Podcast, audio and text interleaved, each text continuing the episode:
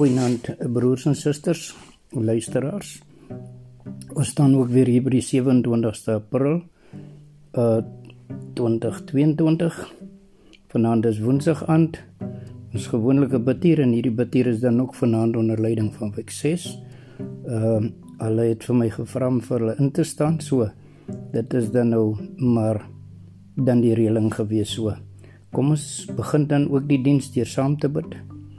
Baie dankie Here vir 'n wonderlike voorreg, Here. Baie dankie vir u genade wat vir ons genoeg was in hierdie dag. Baie dankie dat u vir ons ook so deurgedra het om dan hier saam te kan trek vanaand, Here. U ken vir ons elkeen by die naam. U ken vir ons, u ken ons lewenswyse, Here. Maar Here, ons is ook hier om te kom luister wat u wil vir ons sê, Here. Die Bare Hemel seer baie dankie, Here, vir u kosbare woord, Here wat tot ons beskikking is Here en dat ons ook daaruit kan lees. So wil ons ook vra dat U self die woord kom seën vanaand en vir ons ook daardeur sal leiding gee Here. As ek hierdie dinge vra in Jesus naam met baie danksegging. Amen. Ek wil dan ook saam met let jy ons moet saam lees uit Eksodus 17. Ons kom maar van die 8ste vers af begin te lees. Uh die oorwinning oor die Amalekiete. Toe die Amalekiete kom om teen Israel te veg by Refidim, het Moses vir Josua gesê: "Kies vir ons manne en trek uit veg teen Amalek. Môre sal ek op die heuweltop gaan staan met die staf van God in my hand." Josua het toe soos Moses vir hom gesê het, gereed gemaak om teen Amalek te veg. En Moses, Aaron en Hur het opgeklim na die heuweltop. Wanneer Moses sy hand omhoog hou, het Israel die oorhand gekry. Maar weer wanneer sy hand laat rus, het dit Amalek die oorhand gekry. Toe Moses se hande swaar word, het hulle 'n klip geneem en onder hom neergesit en hy daarop gaan sit. Aaron en Hur het een aan elke kant sy hande gestit. Sy hande het bestendig omhoog gebly totdat die son ondergegaan het. Josua het Amalek en sy volk oorwin met die skerpte van die swaard. Tot sover die woord van die Here. Ons wil dan vanaand net bietjie stil staan onder hierdie uh, rondom onderskraging en u weet hoe belangrik is ons as mens vir mekaar en hoe word daar dierendeer gesê ons moet ons naaste lief hê soos onsself. Maar jy weet ek wou nog graag oor 1 Korintiërs 13 gepreek het die liefde. Maar ek het al voorberei en vanoggend het die Gees dan vir my gesê maar is dit nie miskien maar nodig om eers te praat oor meer die werke nie. En u sal ook agterkom hier in die preek en as ons daarmee besig is wat die Here vir ons probeer sê hier uh rondom die liefde self maar ook hoe om mekaar te ondersteun. En daarom wil ek ook die verhaal kyk na die lewe van 'n Moses. Nou jy weet Moses is op 'n as 'n baba seentjie van 3 maande was hy veronderstel om in die water te beland. Toe Maxima plan en die land op die water en oorleef. En daar word beweer dat hy die belangrikste profeet in die Bybel een van die myn manne was hy die Here persoonlik geken. Deuteronomium 34 vers 10 Die Here direk met Moses gepraat soos 'n man met sy vriend. Eksodus 33 vers 11 Die Here was moed Moses goedgesind en het vir Moses op die naam geken. Eksodus 33 vers 17 Hier was 'n verhouding persoonlike intieme verhouding. Maar tog toe die Amalekiete by Refidim teen Israel kom veg het, het Moses op die top van die heuwel gaan staan met die kierie wat God hom gegee het in sy hand. Eksodus 17 vers 9. Dit het goed gegaan daaronder met die geveg terwyl Moses se hande uitgestrek was in gebed met die kierie in die een hand dit begin toe bietjie klol want Moses is nie meer jonk nie. Hy is al bietjie aan die ou kant en sy arms raak lam. soos die moe arms grond se kant toe sak, dan wen die Amalekiete weer 'n bietjie.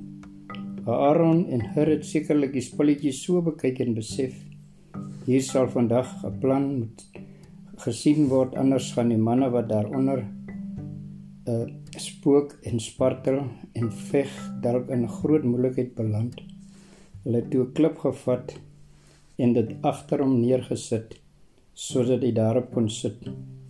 Aaron en Hur het sy arms van weerskant af ondersteun sodat sy arms regop gebly het tot son onder Eksodus 17 verse 12 en 13 Ek kan nie lekker agterkom wie se bright idee is spark idee was dit om die klip in die arm ding te doen nie maar nietemin die geveg is gewen God het die oorlog gewen tog het dit iets gevra van Moses moe o arms wat in die lug moes bly. God het nie verwag dat Moses dit alleen moes doen nie. Daarom was Aaron en Hur byderhand om te help opbou, regskuif en dra. Aaron was Moses se ouer boetie en Hur was uit die stam van Juda, moontlike vertroueling vriend van Moses. God gee vir Moses familie en vriende om hom te ondersteun in hierdie reuse taak wat vir hom voorlê. Liewe broers en susters, en Jesus wie jou op moe arms in die lig. Wie moedig jou aan om met net 'n bietjie op die klip te sit en te rus. Laat jy die mense om jou toe om jou arms in die lig te hou of sal jy self ongeag of die oorlog wat hier voor ons afspeel gewen of verloor word. Jy en ek is nie bedoel om stoksel alleen deur die lewe te struikel val nie. My vraag vanaand aan u en aan myself wie hou jou arms op? Nou belangriker, wie se arms hou jy op? Vir wie skep jy die klip nader vir 'n bietjie broodnodige asemskep en blaaskans? Is dit nie my en jou werk as volgelinge van Jesus nie? bemoedig die wie se hande slap. Help die wie se knie knik. Sê vir die wat moed verloor het, wees sterk. Moenie bang wees nie, jou God is hier by jou. Jesaja 35 verse 3 en 4. Miskien moet ek en jy met 'n doelgerigte soggens opstaan en vra Here, wie se arms moet ek vandag help omhoog hou? Vir wie kan ek 'n arend of 'n hur wees? sodat die oorlog wat in daardie persoon se lewe woed ook gewen kan word sodat die Amalekiete in hulle lewe ook verslaan kan word. Salomo skryf in Spreuke 11 vers 25: Wie anders voorspoed gun, sal self oorvloed hê. Wie die dors van ander les sal genoeg kry as hy dors is. Dis 'n wederwysige help. Keer op keer help aan en moedig aan Dra mekaar se laste Galasiërs 6 vers 2. Dis 'n oorlog, nie 'n voorstel nie. Uh moenie nalat om goed te doen nie. Dit is die offer wat vir God aanneemlik is. Hebreërs 13 vers 16. Moenie net aan jou eie belange dink nie, maar ook aan die van ander. Filippense 2 vers 4. Jep, jy het vir God. Jy het altyd vir God. God se hart vir die mensdom is is 'n verhouding. God se hele wese is liefde. Hy smag nie net na 'n naby intieme verhouding met jou nie, maar alle verhoudings is vir hom kosbaar en belangrik. Moses het vir God gehad aan sy kant. Hy wat God se vriend genoem is, maar hy het ook 'n Hur en 'n Aaron nodig gehad.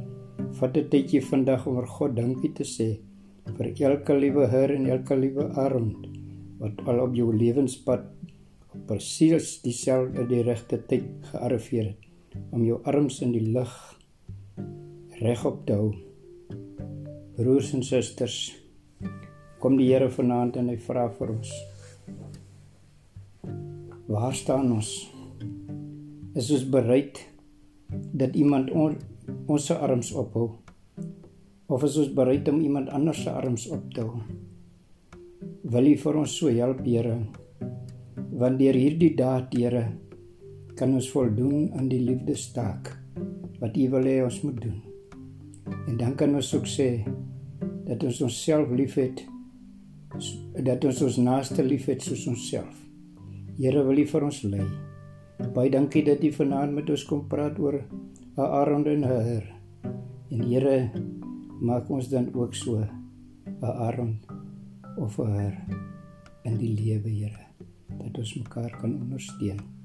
Here, ek vra nie dinge met ek vra dan ook dat U vir ons sal lei in hierdie dinge se en daarom sal ons dan ook hierdeur U woord navolg. Amen. Ons gaan ook nou afsluit. Kom ons kom ons spreek net die seën uit. En mag die genade van ons Here Jesus Christus met elkeen van ons wees en bly totdat U kom om dit te kom haal wat U is en is. Amen.